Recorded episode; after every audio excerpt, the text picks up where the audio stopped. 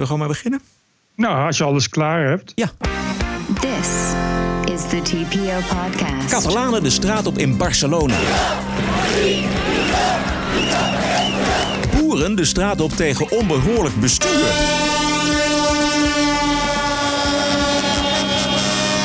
Libanezen de straat op in Beirut. En de islam de straat op in Amsterdam. Aflevering 143. Ranting and Reason. Bert Brusson, Roderick Phalo. This is the award winning TPO podcast. Op maandagavond 21 oktober. Goedenavond Bert. Ja, hallo. Alles goed Hallo? Roderick. Hallo, ja, Bert. het, is, het is hier fantastisch. Kijk, zo mag ik het horen. Vandaag is het eh, verkiezingsdag in Canada. En de grote vraag is: willen de Canadezen deze man nog vier jaar als premier? The uh, recent pictures that came out, I had not remembered. Uh, and I think the question is, uh, how can you not remember that? Ja. The fact is, I, I, uh, I didn't understand how hurtful. ja. Als hij het niet wordt vandaag, dan kan hij altijd nog stand-up comedian worden, Bert. Jij?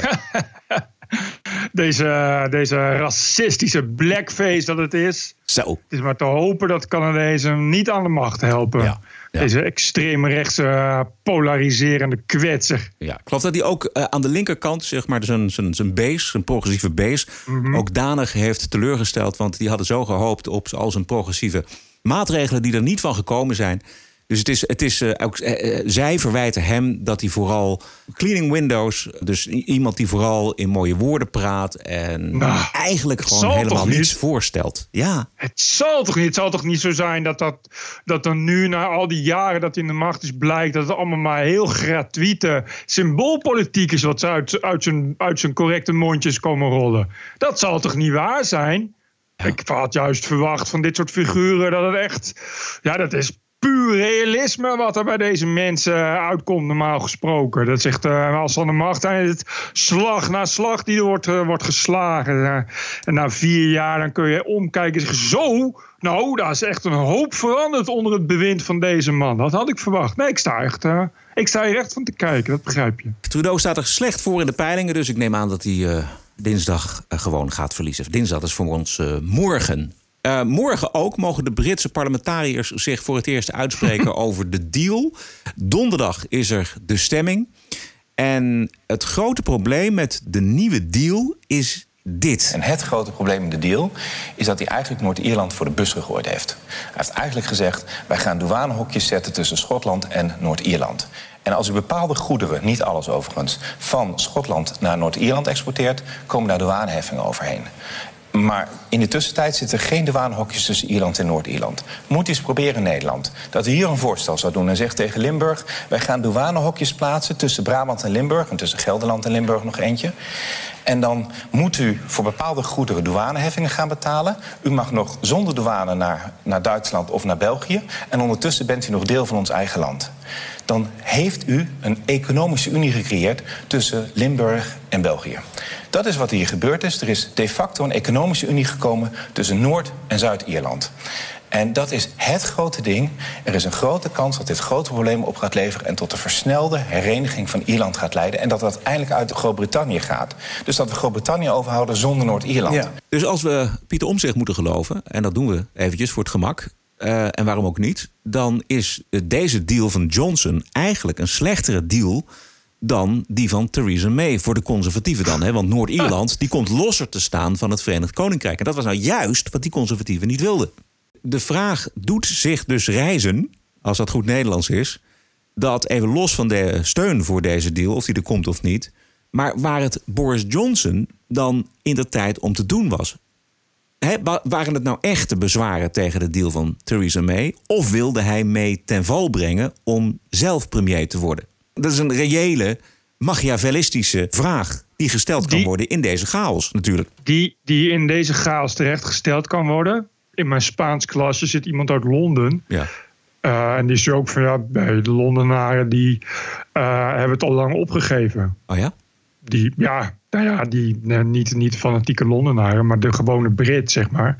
Die, eh, die, die, die zijn zeg maar net als wij, die hebben ook geen idee, geen idee meer Nee. waar het nog staat. En die, eh, ja, die halen inmiddels ook maar hun schouders op. Want ja, het kan dus net zo goed nog tot 2043 duren Ja. of zoiets. Weet je, dus, dus dat idee. En die, die voelen zich wel ook genaaid. Die zegt ook van ja, het was, het was echt vanaf het begin af aan duidelijk. De kiezer heeft gesproken. Dus, dus dan wil je niet nog een tweede referendum. En dan wil je niet nog allerlei eh, deals en eh, allerlei gedoe. En nou ja, dat, dat duurt maar en duurt maar. Dus, dus niemand. Dus eh, ja, die zijn er nu inmiddels een, beetje, een beetje cynisch onder. Ja. Zo, die zijn toch al cynisch, dus ja. Ja. Ik las afgelopen weekend dat er zelfs de, de verstokte remainers zijn. Die, het, als, die er zo klaar mee zijn dat ze zeggen: Oké, laat, maar, laat maar gaan dan. Laten we maar uittreden. Precies, ja, dat. Dus iedereen is er zo zat van. Ja. Dat ook niemand nu ook nog, nog, nog iets wil. En, dat, en, en ook niemand heeft nog het idee dat het parlement nog, nog eh, eh, iets van het volk vertegenwoordigt. Terug naar eigen land, naar eh, Amsterdam. Over drie weken klinkt het ook in Amsterdam weer zo. Oh nee, nee. De Blauwe Moskee in Amsterdam-West gaat over drie weken elke vrijdag de straten in wijde omgeving verblijden met eh, dit hardgrondige Allah Akbar. Ja. Eh, er was een eh, open dag in de Blauwe Moskee om de buurtbewoners gunstig te stemmen. En de plaatselijke AT5 kon geen wanklank ontdekken. Ik vond het eh, mooi, dus eh, voor mij mag het. Ik heb er echt geen enkel probleem mee. Nee.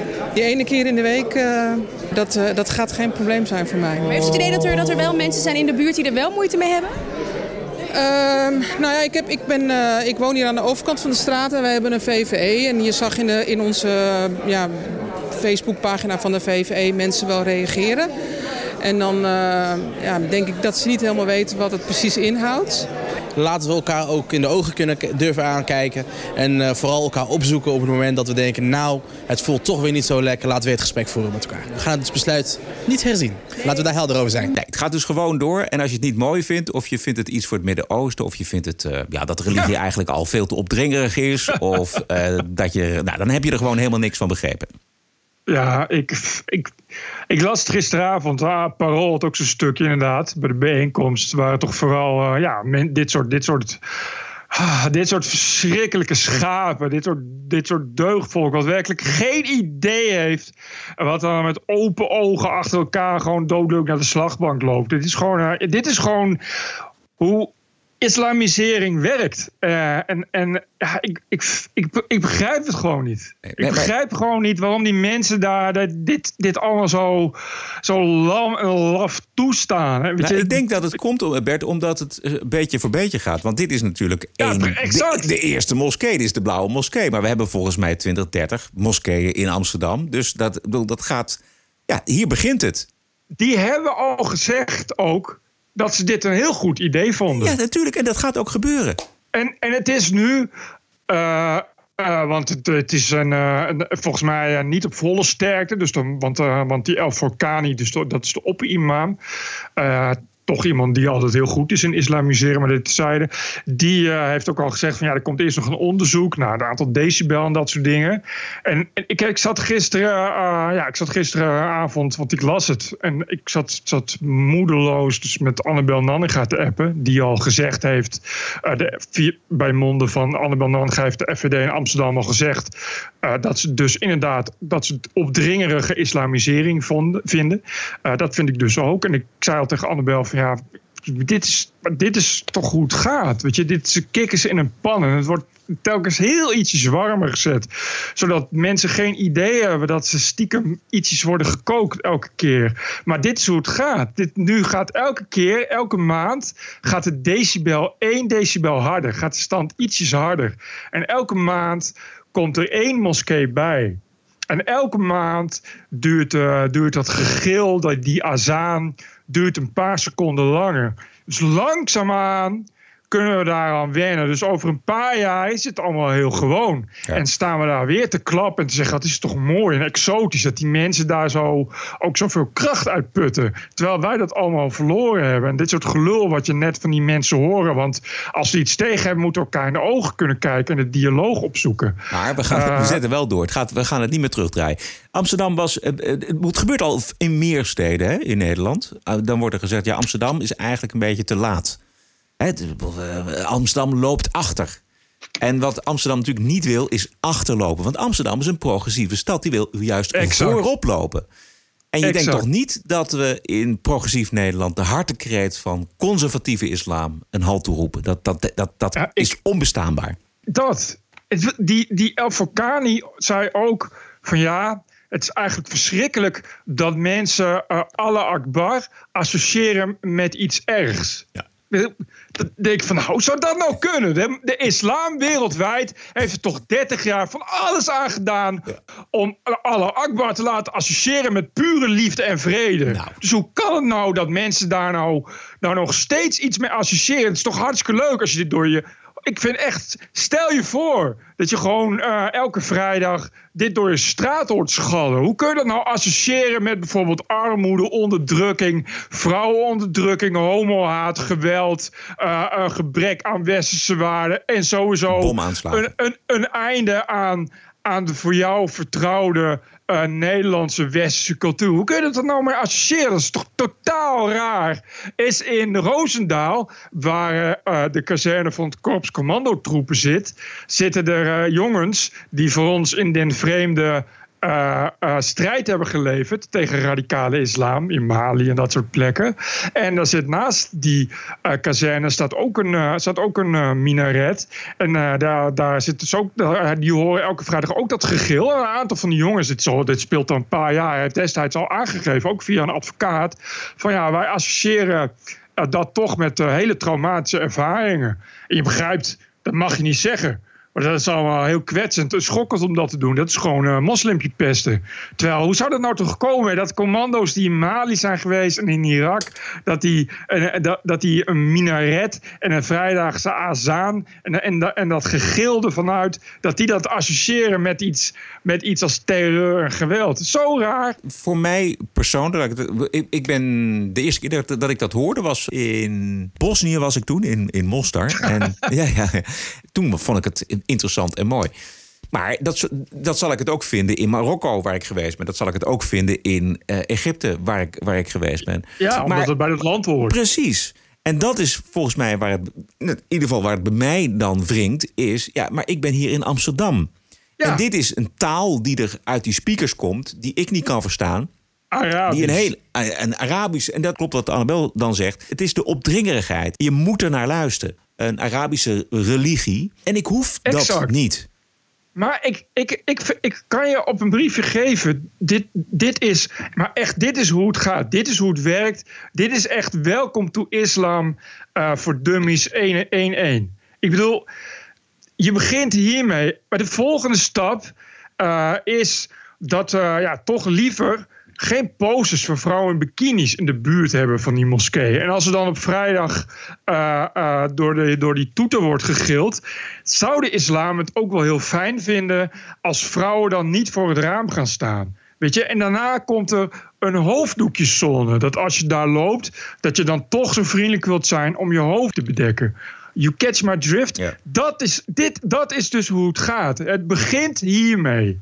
En, Dit- want dit- zo is het steeds gegaan. De reden dat daar een enorme moskee staat, is dat. Is dat er eh, een progressief stadsbestuur was, wat het toch allemaal maar prachtig en een enorme bijdrage vindt aan de maatschappij. Zo knoepert van een moskee. Weet je, en zo gaat het dus verder. Nu staat er een moskee en nu willen ze dus inderdaad, willen we graag die azaan op volle sterkte. De conservatieve religie islam die zich opdringt in de publieke ruimte. Daar gaat het vol- volgens mij om. En de publieke ruimte, dat is, die is van ons allemaal.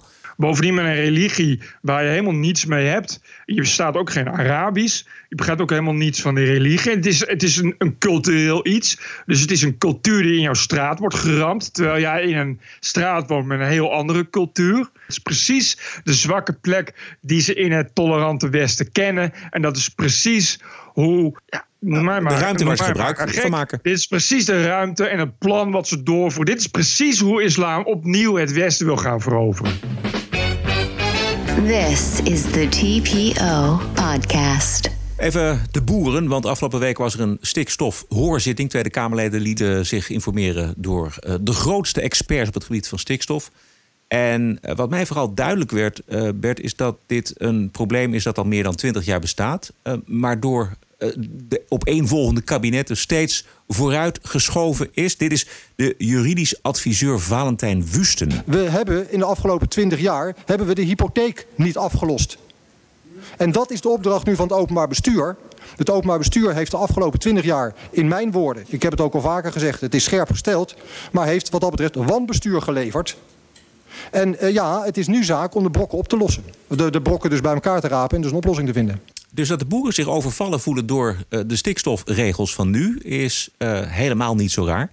Omdat er voorheen op die richtlijnen een marge zat tot wel 70% Er werd dus lekker ruim gemeten. Dus stel u even voor als u op de snelweg rijdt en de, de snelheidslimiet is 100 km per uur. En u mag 70% afwijken, dan mag u ook 170 rijden. Een mooie vergelijking. Dus eh, met jarenlang onbehoorlijk bestuur eh, mogen we niet verbaasd zijn over de woede bij de boeren, Bert. Nou, ik zou sowieso niet verbaasd zijn over de woede bij de boeren. Het is dat die boeren doen, maar ja, goed, het is een, eh, een woede die volgens mij voor iedereen inmiddels wel een beetje herkenbaar is. Ja. Nou ja, voor bijna iedereen.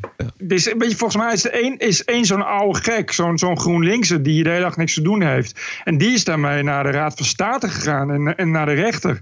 En weet ik veel wat. Ja, net, maar- zolang, net zolang tot hij een reactie kreeg en dan opeens blijkt van, oh, oh ja, oh ja, stikstof, hoe zat het ook alweer? Oh, Nee, nee, maar daarvoor zat nog de afspraken die met, met Brussel zijn gemaakt.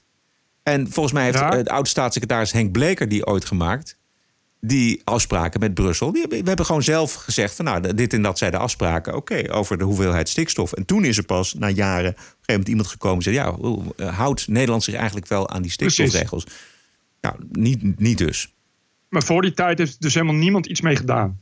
Nee, helemaal niemand. En, En, eh, en, en, de, de ambtenaren en ook de, eh, de politici in Den Haag... die wisten wat er aan de hand was. Ja, nee, exact. Ja, ik, ik begreep, ik dacht, ik dacht dat de stikstof dat is, eh, dat is een broeikasgas, maar dat is helemaal niet zo. De stikstof is, is een, ja, een gas wat er in grote hoeveelheden is. En ik geloof dat het, het reactieve gedeelte zorgt ervoor dat bepaalde planten harder Exact. groeien dan andere. En dat, je dus, eh, dat, het, dat de biodiversiteit eraan gaat en dat dat dus heel slecht Vooral is. dat. Ja, vooral dat. Ja, want het, het- die stikstof die, dat slaat dan neer in de vorm van stof. Ja. En eh, daar, inderdaad, wat je zegt, dan krijg je, krijg je een aantasting van de biodiversiteit. Ja. En daarom is het ook vooral dus in een, inderdaad een probleem bij natuurgebieden die vlakbij bouwprojecten staan. Ja. Want daar komt natuurlijk al, al dat stikstof, dus ook in de vorm van stof, gewoon vrij. Ja. Ja, en dat is iets wat. Maar ja, dat is dus iets wat, wat, al heel lang, wat er dus al heel lang bekend was. Maar er heeft nooit iemand eh, tegen die tijd gezegd: jongens, we moeten daar eens op gaan letten. Want anders sloven we tegen onze eigen regels aan. En bovendien eh hadden ze dat volgens mij dus ook, al eerder tegen een heleboel anderen kunnen zeggen. En toen nu ineens kwam de nood aan de man, zeiden ze: oh, de boeren. Ja. Dus ja, nu zeggen die boeren van ja, oké, maar Hallo? ja. Nee, hallo, zeggen ja, die boeren. precies. Ja. die zeggen, ja, wat, eh, wat, eh, je hebt eh, jaren niks gezegd, niks gedaan en nu ineens, dan, dan is, het, is het een probleem vooral door, door bouwen, want ineens lagen al die bouwprojecten stil. En dan zeggen ze, oh, laten we naar de boeren kijken. Wat er steeds onder ligt, en dat geldt ook voor het CO2-probleem, is dat er zoveel mensen wonen in Nederland. Hè? Ja. En, en er komen ook steeds meer mensen bij. Dat lezen we eigenlijk Juist. ook. Iedere maand komt er wel een, een stad als Veenendaal bij. Eh, die mensen moeten allemaal gaan wonen. Die moeten allemaal een auto. Die moeten of gaan met de bus, openbaar vervoer, Ja. wat dan ook. Dus eh, dat, Nederland dat stroomt maar vol met mensen. En ondertussen roept iedereen van er is een stikstofprobleem, we hebben een CO2-probleem. Maar dat ga je dus niet oplossen als er steeds meer mensen Nederland inkomen. Nee, dat klopt. Maar wanneer horen we een politicus, een, een premier over dat we op termijn iets moeten gaan doen? En misschien eh, morgen al, maar iets gaan doen aan de instroom van, van migranten en van, van de bevolkingsgroei in Nederland. Nou, Thierry Baudet van het FVD heeft dat Ja. gezegd. Ja. Maar toen werd, er, toen werd er meteen van gemaakt dat Thierry Baudet zegt dat migranten stikstof met zich meebrengen. Dus ja, echt serieus, echt serieus genomen had ik ook niet het idee dat hij daarmee werd. Terwijl hij wel een belangrijk punt aanstipt natuurlijk. Als, je, als, je, als die stikstof een probleem is, dan moet je iets doen aan de groei. Nou ja, dat doe je het snelste door inderdaad ongebreidelde immigratie tegen te gaan. Ja. Dat, is, dat is het begin van je groei tegengaan in elk geval. Ja, je kunt niet de boeren vragen eh, de veestapel te halveren en door te bouwen eh, voor eh, iedere maand een, een stad als Gouda erbij in Nederland. Dat gaat niet.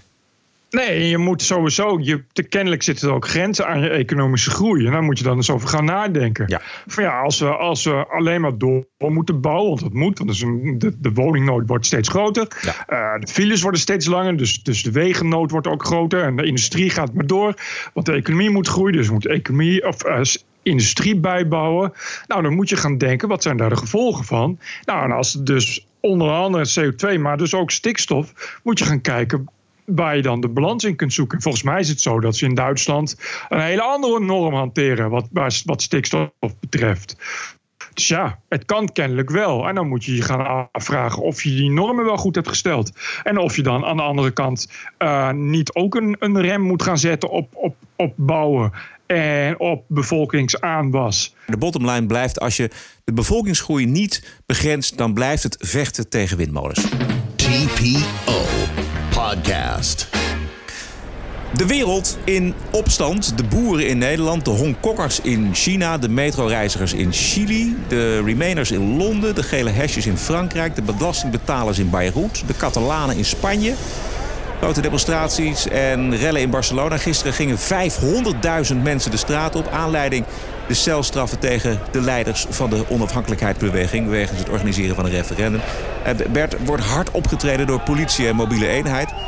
Wat vindt de rest van Spanje daarvan? Uh, de rest van Spanje, het, het, groot, het grote probleem is dat bij dit soort geweld het al heel snel doet denken aan de dictatuurtijd van Franco. En dat is een beetje een dingetje, al helemaal bij de Catalanen die voor Catalaanse onafhankelijkheid zijn. Want voordat Franco kwam, dus ten tijde van de Eerste Wereldoorlog, kregen ze net een beetje onafhankelijkheid. En vervolgens kwam Franco aan de macht na de burgeroorlog en werd de onafhankelijkheid van Catalonië heel bruut de kop ingedrukt. En dat duurde tot 1975 voordat Franco eindelijk was opgerold of was overleden. En de, de dictatuur was opgerold dat ze daar maar weer eens opnieuw mee konden beginnen. Had dan ook weer tientallen jaren uh, tijd. En nu ineens, ja, je ziet toch een beetje hetzelfde. Het zijn. Uh, uh, um, je ziet die beelden van, een, van inderdaad een politie die bepaald niet zachtzinnig optreedt. Ik zag ook al een hoop foto's van mensen die laten zien hoe groot zo'n rubberen bal is. Zo'n rubberen kogel, kogel waar ja. de politie dan mee schiet. en op zich is zo'n. ben je er nog? Ja. Oké, en op zich is zo'n rubberen kogel schade, niet zo schadelijk. Dat doet vooral heel veel pijn. Maar als je dichtbij zo'n geweer staat en je krijgt hem tegen je hoofd, dan is het heel degelijk schadelijk. Dus uh, daar vallen natuurlijk uh, serieuze gewonden. want er wordt flink op losgeknuppeld. En je zult zien dat het altijd niet alleen maar de schuldigen zijn. dus ja, de Spanjaarden die kijken daar met heel gemengde gevoelens naar. Die zijn niet zo heel gek van, van, van, van dictatoriale, dictatoriale uitingen en geweld. Nee. Al moet ik wel zeggen dat het niet zo dat heel Catalonië, dit is echt de helft van de Catalanen, zijn uh, voor onafhankelijkheid. Het is echt heel keurig bijna verdeeld. Ik geloof dat het 48, 51 is of zo, of 49, 51. Maar de helft is voor en de helft is tegen. Uh, en de meerderheid van die mensen die de straat op gaan, die 500.000 mensen, die doen dat gewoon vreedzaam. Dat, is echt, dat zijn echt protestmarsen en met je Catalaanse vlag wapperen en dat soort dingen. En het is eigenlijk een hele kleine groep die vervolgens uh, die rellen pleegt. En wat je natuurlijk ziet, is dat zoals het altijd gaat. Het zijn uh, ja, Antifa en extreem rechts en voetbalhooligans. En ik geloof dat er ook nog een, een, rijtje Nederlanders bij zaten. Dat zijn niet de gemiddelde vakantie-Nederlanders. Dat zijn mensen die het wel leuk vinden om uh, ja, een, een, prullenbak in brand te steken. Ja, Oké, okay. maar dat, dat is het geweld. Maar ik bedoel, die, er gaan dus heel veel duizenden, honderdduizenden mensen de straat op om te protesteren ja. tegen die celstraffen. Hoe wordt daar in de rest van Spanje naar gekeken? Naar, naar die, die drang tot onafhankelijkheid? Ja, die is, die is uh, uh, ja, eh, eh, die wordt wel begrepen. Want Catalonië is niet de ene. Je natuurlijk, we kennen natuurlijk Basken, dus de Baskische afscheidingsbeweging. ETA hebben natuurlijk heel veel slachtoffers. Dat, dat ligt naast Catalonië. Precies hetzelfde verhaal. Dit verhaal speelt eigenlijk al duizend jaar. Ik bedoel, die Spanjaarden, zeker in het noorden, die regio's, die vechten daar al, al duizend jaar tegen. En de Spanjaarden zijn ook dus niet anders gewend. En Spanje is uh, geen federatie, maar ze noemen het een federatie zonder federalisme. Uh, wat eigenlijk neerkomt op dat het wel dus één land is. Het is dus wel union. Het is zelfs een monarchie onder één vorst. Waar ook niet iedereen altijd blij mee is om het nog ingewikkelder te maken. Maar voor sommige regio's gelden andere regio's dan voor andere. Omdat sommigen zitten niet zo te wachten op, op, speciale, uh, op speciale regels. Ja. Maar die lui in het noorden die... Uh, ja, die zijn er fel. De industrie, dat is, dat is dus ook al sinds de industrialisering, groeit het vooral daar. Dus het meeste geld, echt voor een enorm percentage, wordt daar opgehoest. En al die mensen daar betalen belasting en dat gaat naar Madrid. En Madrid, die geeft het weer uit en zij zien er niks voor terug. En zij hebben echt heel erg het idee van ja, wij doen hier al het werk. Uh, de rijkdom komt bij ons vandaan. En vervolgens wordt het in het zuiden van Spanje, waar bijna helemaal geen geld wordt verdiend, wordt het weer uitgegeven. Nee, maar dus nou zou je wij, zeggen. Ja, wij dus, worden beroofd Ja. door, door een regering waar we niet eens achter staan. Nee, maar linkse separatisten zouden dan eigenlijk moeten denken: van ja, maar wacht even, het is toch normaal dat we dat herverdelen. Wij verdienen hier, we, we hebben een sterke economie, dus dan gaat het naar de zwakkere regio's. Mm. In het zuiden bijvoorbeeld. Dat, dat, dat is een linkse gedachte, toch? Ja, maar linkse, linkse separatisten zeggen van wij verdienen het hier en dan gaat het hier naar de armen hier. Oh ja. ja. nee, je moet het wel. Eigen armen eerst. echt- nee, maar het is wel echt. eh, die, het is echt een hele aparte taal en echt ook een aparte cultuur. Eh, en het is al wat ik al zeg, al, al meer dan duizend jaar is het zo. eh, dat ze daar apart zijn en ook een, een, staats apart te willen hebben. En je hebt Spanjaarden en je hebt Catalanen. En, daar zit, en dus, en dus voor, voor separatisten, die, die wordt Spanje gewoon gehaat. Even naar de aanleiding. Dat, eh, ik geloof dat er negen mensen eh, door het Hof zijn eh, bestraft. met gezamenlijk een celstraf van eh 100 jaar. Tot 13 jaar, geloof ja, ik echt. Ja, ik weet niet hoe dat geregeld is in de Spaanse constitutie. Maar dat is natuurlijk ook wel een beetje provocatief natuurlijk. Hè? De mensen die een vreedzaam referendum organiseren... die krijgen dus dit soort straffen. Ja, het- het punt is eh, ehm, dat eh, heel lang geleden al, destijds, ook toen na Franco die grondwet werd geschreven, en het dus ook onderhandeld is over, over autonomie in die regio's, dat er bepalingen in zijn opgenomen. Eh, dat je dus dat soort dingen niet zomaar kan doen. En, en dat is dus wel gedaan. En eh, dat Hoge Rechtshof, die is verder eh, gewoon gebonden aan de wet. Dus er is geen andere mogelijkheid volgens de grondwet om dat te bestraffen. En dus je, je kan dus, in, je zou dus inderdaad zeggen van ja, doe het dan niet. Weet, weet je, wie gaat nou iemand bestraffen die ja, toch eigenlijk niet zoveel verkeerd doet dan, dan een referendum. Maar de, het idee is altijd geweest, uh, je krijgt autonomie, maar je blijft in Spanje en je gaat niet op eigen houtje proberen uh, daarvan af te scheiden. Want dat is dus hoogverraad. Dat is ja, een soort, soort, soort hoogverraad. Ik geloof dat, het is in elk geval een artikel waar dat. Het is allemaal netjes vastgelegd destijds. Dus die rechten die kan niet, zo, niet zoveel anders. En dat is dus het probleem. En dan krijg je dus ook het probleem eh, dat de EU, ja, daar hoor je dus niks van. Dus zeg, waar, waar blijft, waar, waar, weet je, die kijken ook naar, die kijken ook naar dat geweld. Weet je, het, is- het is toch een beetje, beetje keurige kiezers die niets anders willen dan een referendum, die alleen maar een referendum hebben, hebben ingevuld, Nou ja, die nu boos worden. of dat je gewoon zegt, nou, wij zijn het niet eens met dit soort hoge straffen. Wij gaan protesteren tegen dit soort hoge straffen. Exact. Want En dan- daar is niks mis mee. Maar waarom moet, moet de politie zo snoeihard ingrijpen? waarom doe je dat? En dat is natuurlijk eh, inderdaad vanuit Spanje ja, brute kracht laten zien. Je spierballen laten zien. Maar de EU die zegt, ja, dit is een interne aangelegenheid. Gaan wij ons niet mee bemoeien. We gaan naar Amerika, Bert. Yes! This is CNN breaking news. Donald Trump is not going to be president of the United States. Welcome to Morning Joe. Mr. President, if there is no collusion. The government shutdown is now in week four. Today was not just like a normal stormy day in the news. This is not just my opinion. TPO Podcast. This is evident. Bert, wij behoren niet tot de Trump-bashing journalisten waar ons vak mee bezaaid is. Sterker, we zijn eh, best bereid om eh, de betere en de grappige kanten van deze president onder ogen te zien. Maar ik moet uh, met jou en met onze luisteraars toch iets delen... dat ik begin te twijfelen of dit nou wel de juiste man op de juiste plek is.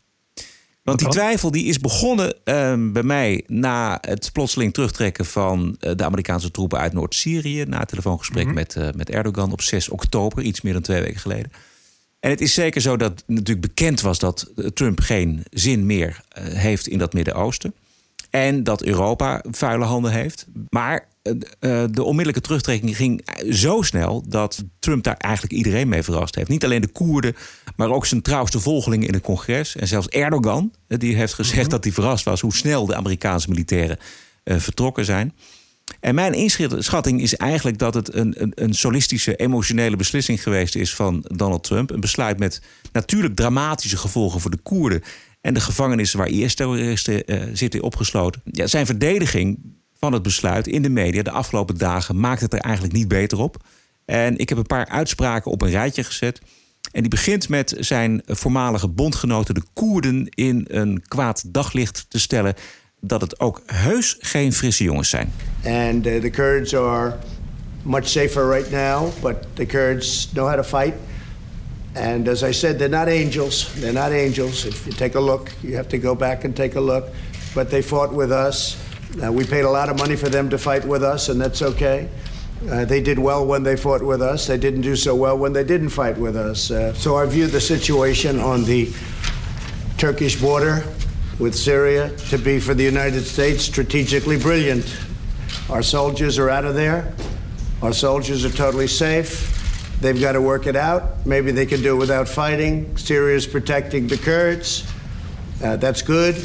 Ja, en sommige van die Koerden zijn zelfs erger dan ISIS. The thing that's common is that everybody hates ISIS.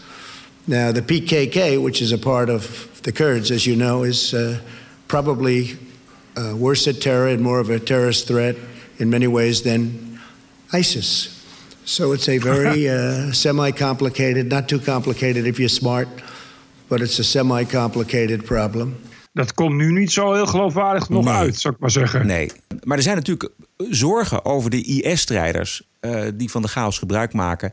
Uh, en vluchten en uh, zich hergroeperen. En Trumps voormalige minister van Defensie, ex-generaal James Mattis, die zei daar vorige week zondag dit over. I think Secretary of State uh, Pompeo, the intelligence services, uh, the foreign countries that are working with us have it about right that ISIS is not defeated.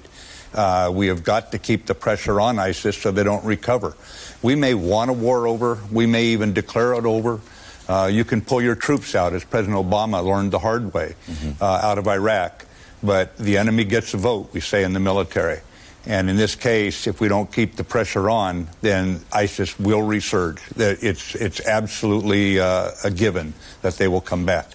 It's a given that they come back. En dus willen de Democraten en congresleden uit zijn eigen partij, de Republikeinen, weten welk plan hij heeft tegen ISIS in de toekomst. En er kwam geen antwoord. Nancy Pelosi.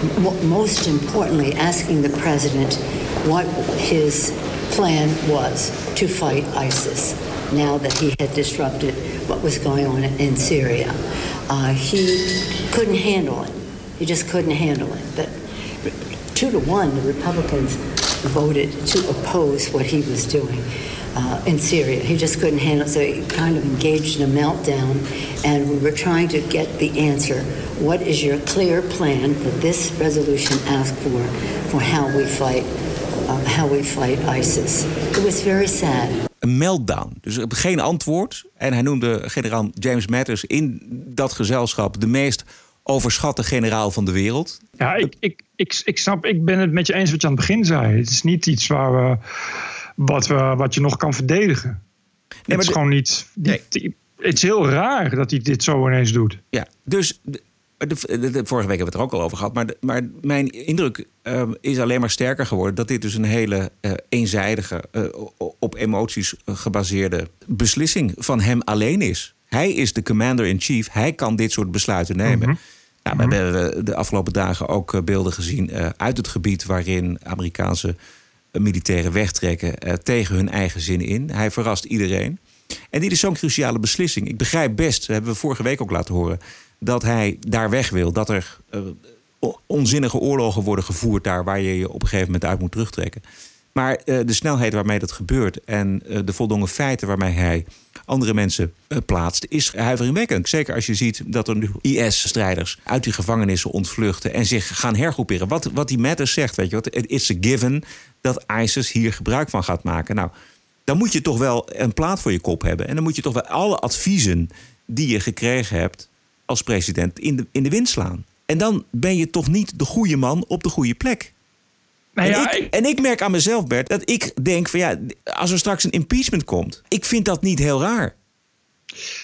Nee, ik geloof dat al eh 20% van de Republikeinen eh, nu ook al voor een impeachment is. Lindsey Graham heeft dat Eh, gezegd. Ja, ja ik, ik, ik, ben het met je eens. Ik, heb, het, het voelt alsof, alsof hij ja, inderdaad zijn hand heeft overspeeld. Dat hij inderdaad te graag, omdat hij natuurlijk dat ook als verkiezingsbelofte heeft gedaan, die, die, die soldaten daar weg wilden. En dat het daarna eigenlijk gewoon heel erg mis is gegaan. Het is echt een enorme misrekening geweest. Ja, ongetwijfeld tegen alle adviezen in. Maar goed, dat is, daar ben je dan commander-in-chief voor. Je moet uiteindelijk zelf die, die, eh, die beslissing nemen. En het is nu niet meer terug te draaien. Dus dan krijg je van dit soort, dit soort wartaal... o- om daar nog, nog eens iets over te zeggen. Maar in the end wordt het, wordt het straks erger. En als je het zo, zo net, als je met is hoort... Ja, als er straks weer eh, een, een, een ISIS gaat vormen, dan heb je toch wel heel erg verbruikt als president. En dan ben je weer terug bij af. Dan ben je dus weer terug bij af. En dan, dan, eh, ja, dan heb je het ongeveer het tegenovergestelde bereikt van wat je wilde bereiken. Ja, precies. En hij, hij probeert het nu te repareren met allerlei sancties, die hij dan ook weer intrekt. Dan heeft hij weer een telefoongesprek met Erdogan. En, en, en voor de rest grapt hij maar een beetje over eh, wat daar gaande is. Syria may have some help with Russia, and that's fine. Uh, it's a lot of sand. They've got a lot of sand over there, so there's a lot of sand that they can play with. Ja, het is inderdaad. Het is, dit is niet normaal. Dit is wel eh, vrij heel kinderachtig. Ja. Nou is die vaker kinderachtig, maar dan wel met de juiste timing. En als je enige verklaring of enige reactie is op dat je ja, eigenlijk de poort, de wagenwijd open hebt gezet voor de, voor de Russen. Die nu ja, Syrië, die nu samen kunnen gaan werken met de Syriërs. Als je enige antwoord is, ach, er is toch genoeg zand daar. Ja, ik weet niet. Dat is toch. eh, ja, ja, ik, wat je zegt, op dit, op dit soort moment denk je toch van nou, eh, een impeachment ja. begint zo wel heel erg voor de hand te liggen. Ja. Is de wereld wel beter af met nog vier jaar Trump? Hij heeft best een paar eh, goede dingen gedaan, zeker in Amerika. En hij heeft natuurlijk een bepaalde cultuuromslag teweeggebracht. En hij heeft de, de- macht van de Democraten kunnen breken op heel veel terreinen. de goede dingen zijn bekend. Ja, de goede dingen zijn Maar- bekend. Maar dit, dit is natuurlijk dramatisch. Kijk, het punt is natuurlijk dat je. Ja, je, hebt, je bent en president en commander-in-chief. Eh, en dat betekent dus inderdaad dat als het erop aankomt, je wel echt de juiste dingen moet doen. Omdat er gewoon geen. geen eh, ja, er is geen marge om fouten te maken. En die maakt het dus wel. Zo'n Mattis bijvoorbeeld, ja, dat zeg je toch niet. Als, het enige, als je enige verdediging is... eh Mattis is de meest overschatte generaal van de wereld. Overigens, eh, eh, hij reageerde vrij laconiek op die uitspraak van Trump. I do stand before you, as was noted here, uh, really uh, having achieved greatness. I mean, I'm not just an overrated general, I am the greatest, the world's most overrated. and this is in no small part. I will tell you, uh, I, I owe New York. I owe New York for this because Senator Schumer, have I thanked you uh, for bringing my name up in a rather contentious meeting in Washington where this grew out of. Um, so I would just tell you, too, that I'm honored to be considered that by, by Donald Trump because he also called Meryl Streep an overrated actress. so I guess I'm the Meryl Streep of generals. and, and frankly, that sounds pretty good to me. Uh, and you do have to admit uh, that between me and Meryl, at least we've had some victories. Ja, die, ja, die Matt is, is, ja, het is ook heel raar. Je kan dat echt niet zeggen. Het is dit is wel inderdaad een van de, van de beste generaties ter wereld, in het, letterlijk. Ja, En dit, zijn wel, eh, dit, zijn geen, eh, dit zijn geen kleine jongens die, eh, die, die niets hebben meegemaakt. En met is, is, een, is een, volgens mij een hele slimme jongen ook. Ja, en die heeft hij dus aangetrokken en die ook weer afgestoten. Het, het, gaat, het gaat voor heel veel adviseurs en hij is gevaarlijk solistisch bezig in het Midden-Oosten. Ja, ik, ik, ik, ik- ja, maar hij kan volgens mij, ja, of hij moet toch. Hij zou eigenlijk toch die troepen niet moeten terugtrekken, denk ik. Nee, het, het punt is ook, dat las ik vandaag. Hij zegt, we willen de Amerikaanse soldaten terug naar Amerika. Maar wat hij nu doet met de soldaten die in die strook in het noorden van Syrië eh, gelegerd waren, die haalt hij niet naar Amerika, die verplaatst hij naar een andere plek in Syrië en deels ook naar Irak. Dus het is helemaal niet, eh, we brengen de jongens thuis. Nee, we, we verplaatsen ze om ruim baan te maken voor, voor Erdogan en zijn troepen. Ja, dat, precies. En dat geeft dus te denken. Ja. Want al- als je ze meteen naar huis haalt, dan kun je daar nog mee zeggen van, nou, ik heb ze in elk geval thuis gehaald. precies. Ik ben de eerste president sinds jaren die, die überhaupt die jongens thuis brengt. Maar, hè, want ik, ik ben er klaar mee, dat hoorde vorige keer dat verhaal. Maar dat doet hij dus ook niet. Dus je gaat je ook echt afvragen van, van ja, wat, ja, hoe, hoe kan hij zich zo misrekenen dan? Ja. Ja. Ja, misschien is het to- toch ook zijn karakter, weet je wel. Hij doet dit presidentschap zoals hij zijn, zijn bedrijf vroeger deed. Ik bedoel, hij was Ja. de baas. En dan kon hij eh, de kantine binnenlopen en zeggen van... er moet, er moet ander eten in de kantine. En dan moest dat gewoon gebeuren. Zo bestiert hij het Witte Huis ook op Ja. deze manier. Ja, maar goed. Ik, of weet je, is het, is, het, eh, is het wel een soort van advies geweest, namelijk zorg dat je geen oorlog krijgt met Erdogan. Omdat, eh, ja, kijk, de, Erdogan, Turkije is natuurlijk een enorm belangrijk steunpilaar voor de, voor de, voor de NAVO. Ja. Dus je, het kan ook echt zijn dat zijn adviseurs hebben gezegd: van ja, misschien moeten we dan maar beter gewoon op de vlucht voor Erdogan. Want als die komt, dan gaan we dat verliezen. En we willen ook geen, geen gezeik met Erdogan. Dus je weet het niet. Maar dan ga je dus, wil- al- dan ga je dus als supermacht ga je met de staart tussen je benen eh, vertrek je. En je, je, je had ook met tegen Erdogan- kunnen zeggen... Nou, ik moet, geef mij even een maand en dan moet ik die en die informeren. Ik moet het daar overleggen, et cetera, et cetera. En dan kun je, nog, eh, dan kun je het nog rekken en dan kun je eh, in ieder geval niet iedereen eh, verrassen. Inclusief de Koerden Zeker. en je eigen supporters in het congres. Zeker. Maar ik, ik, ik bedoel, ik, ik, ik, ik te denken van wat, wat zijn de mogelijkheden? Weet je, er zit misschien wel meer. Misschien is het wel eh, toch een beetje deep state. Weet je, dat daar toch iets is gebeurd waardoor die is overtuigd geraakt dat iemand hem dat heeft ingefluisterd om dan toch maar daar weg te gaan.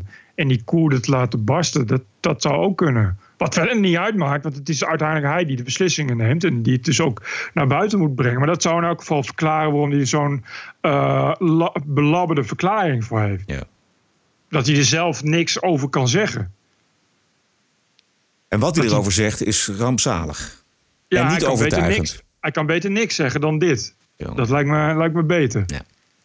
Goed. ehm nepnieuws alert wegens uitspraken van eh, de o zo gewenste presidentskandidaten in 2016, Hillary Clinton. Want zij is een lastercampagne begonnen tegen de democratische kandidaat Tulsi Gabbard. Dat heb, zal je hebben eh, meegekregen, Bert.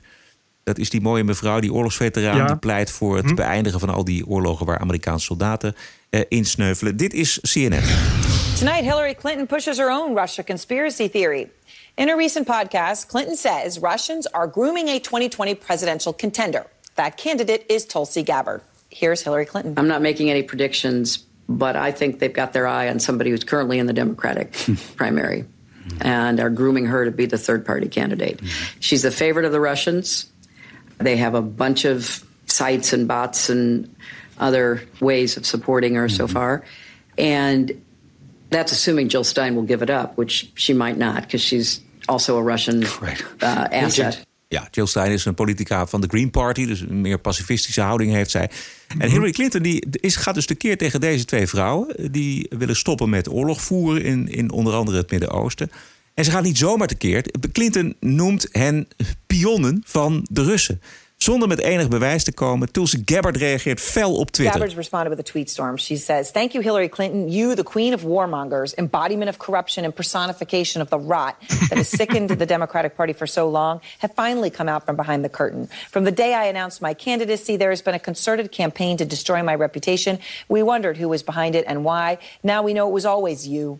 Through your proxies and powerful allies in the corporate media and war machine, afraid of the threat I pose, it's now clear this primary is between you and me. Don't cowardly hide behind your proxies. Join the race directly. Ja, mooi.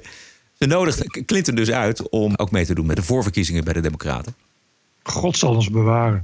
Nou ja, het zal uh, leuk vuurwerk opleveren. En ik denk dat het voor Trump een uh, wel fijne, hele fijne afleidingsmanoeuvre is. Ja, Gabbard zelf. She is calling any of those of us who oppose these regime change wars, this new Cold War and arms race, a traitor to our nation and labeling us as a foreign agent. Uh, she is doing this because it's very clear to her that she knows she can't control me. That if I'm elected president, then she will not be able to come in and try to influence or manipulate me or the policies that I will lead forward for our country. Nepnieuwsverspreider Hillary Clinton. Ja, nee, maar ze zei het net al goed. Met, met dank aan haar powerful, powerful allies en de corporate media. Uh, die Tulsi Gabbard die heeft, maakt hier wel heel erg uh, goed en tactisch goed uh, gebruik van, van deze smeer. Ze komt echt overal bij alle grote netwerken met dit verhaal. En het is nu echt het verhaal binnen de Democratische Partij. TPO Podcast. Het is algemeen bekend dat de strenge islam niks met muziek heeft. Uh, of met welk entertainment dan ook. En dat betaalt zich uit wanneer er het volkslied uh, gespeeld moet worden. Hier is uh, de Saudi State Orchestra. aan het begin van het staatsbezoek van de Amerikaanse president Donald Trump.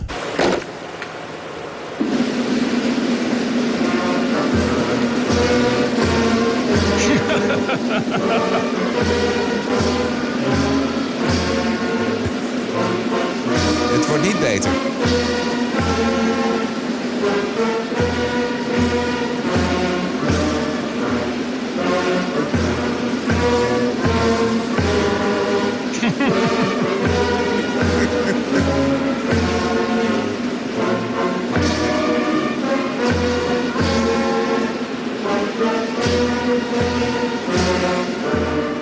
het is echt heel erg. En je ziet ook uh, Donald Trump helemaal uh, verstenen en een vies gezicht trekken. Maar het gaat vaker mis en we kennen allemaal wel dat geweldige Russische volkslied. Eerst het origineel en daarna de versie van het Saudi State Orchestra. Ja.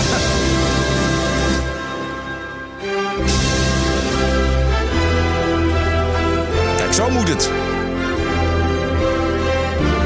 Maar dan.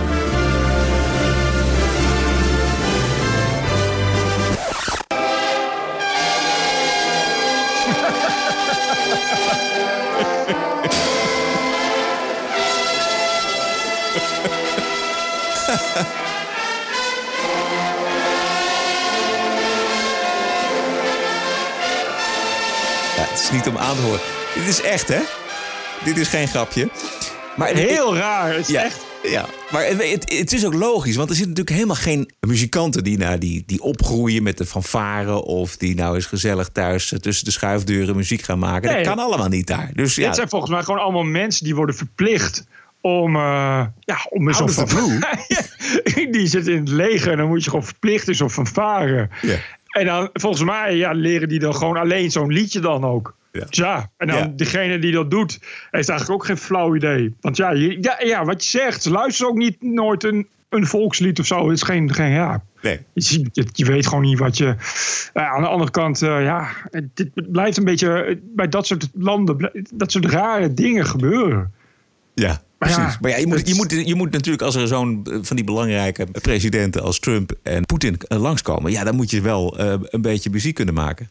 Je zou denken, hoe moeilijk is het? Maar ja. goed, deze, deze muzikanten zullen dan wel uh, warm ontvangen zijn door de, ja. de, de kroonprins van Saudi-Arabië. Ja. Vooral uh, familie die, uh, die van gekkigheid houdt, zou ik maar zeggen. Ja, precies. ik heb alleen nog een bonusquote. Bert, had jij nog iets wat we niet hebben besproken? Nee, gooi de bonusquote er maar in. TPO Podcast.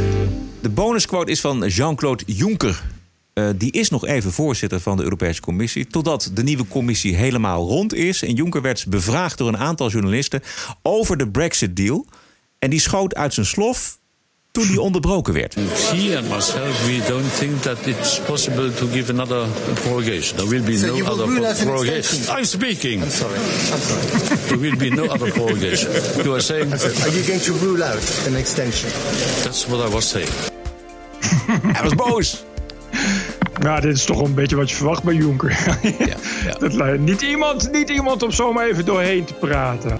Tot zover aflevering 143. Wat levert deze podcast u op aan informatie, aan achtergrond, aan amusement, ergernis, lol, plezier?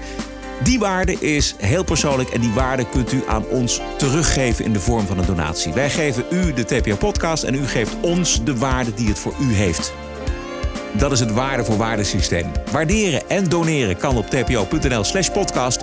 Daarmee helpt u ons en uzelf, omdat wij zo door kunnen met de TPO-podcast. Alvast zeer bedankt. En wij zijn terug dinsdag 29 oktober. En het toeval wil dat Bert en ik allebei op die dag verjaren. Maar daar hebben we het later nog over. Heb een mooie week en tot dinsdag. TPO Podcast. Bert Bruson, Roderick Balo, Ranting and Reason.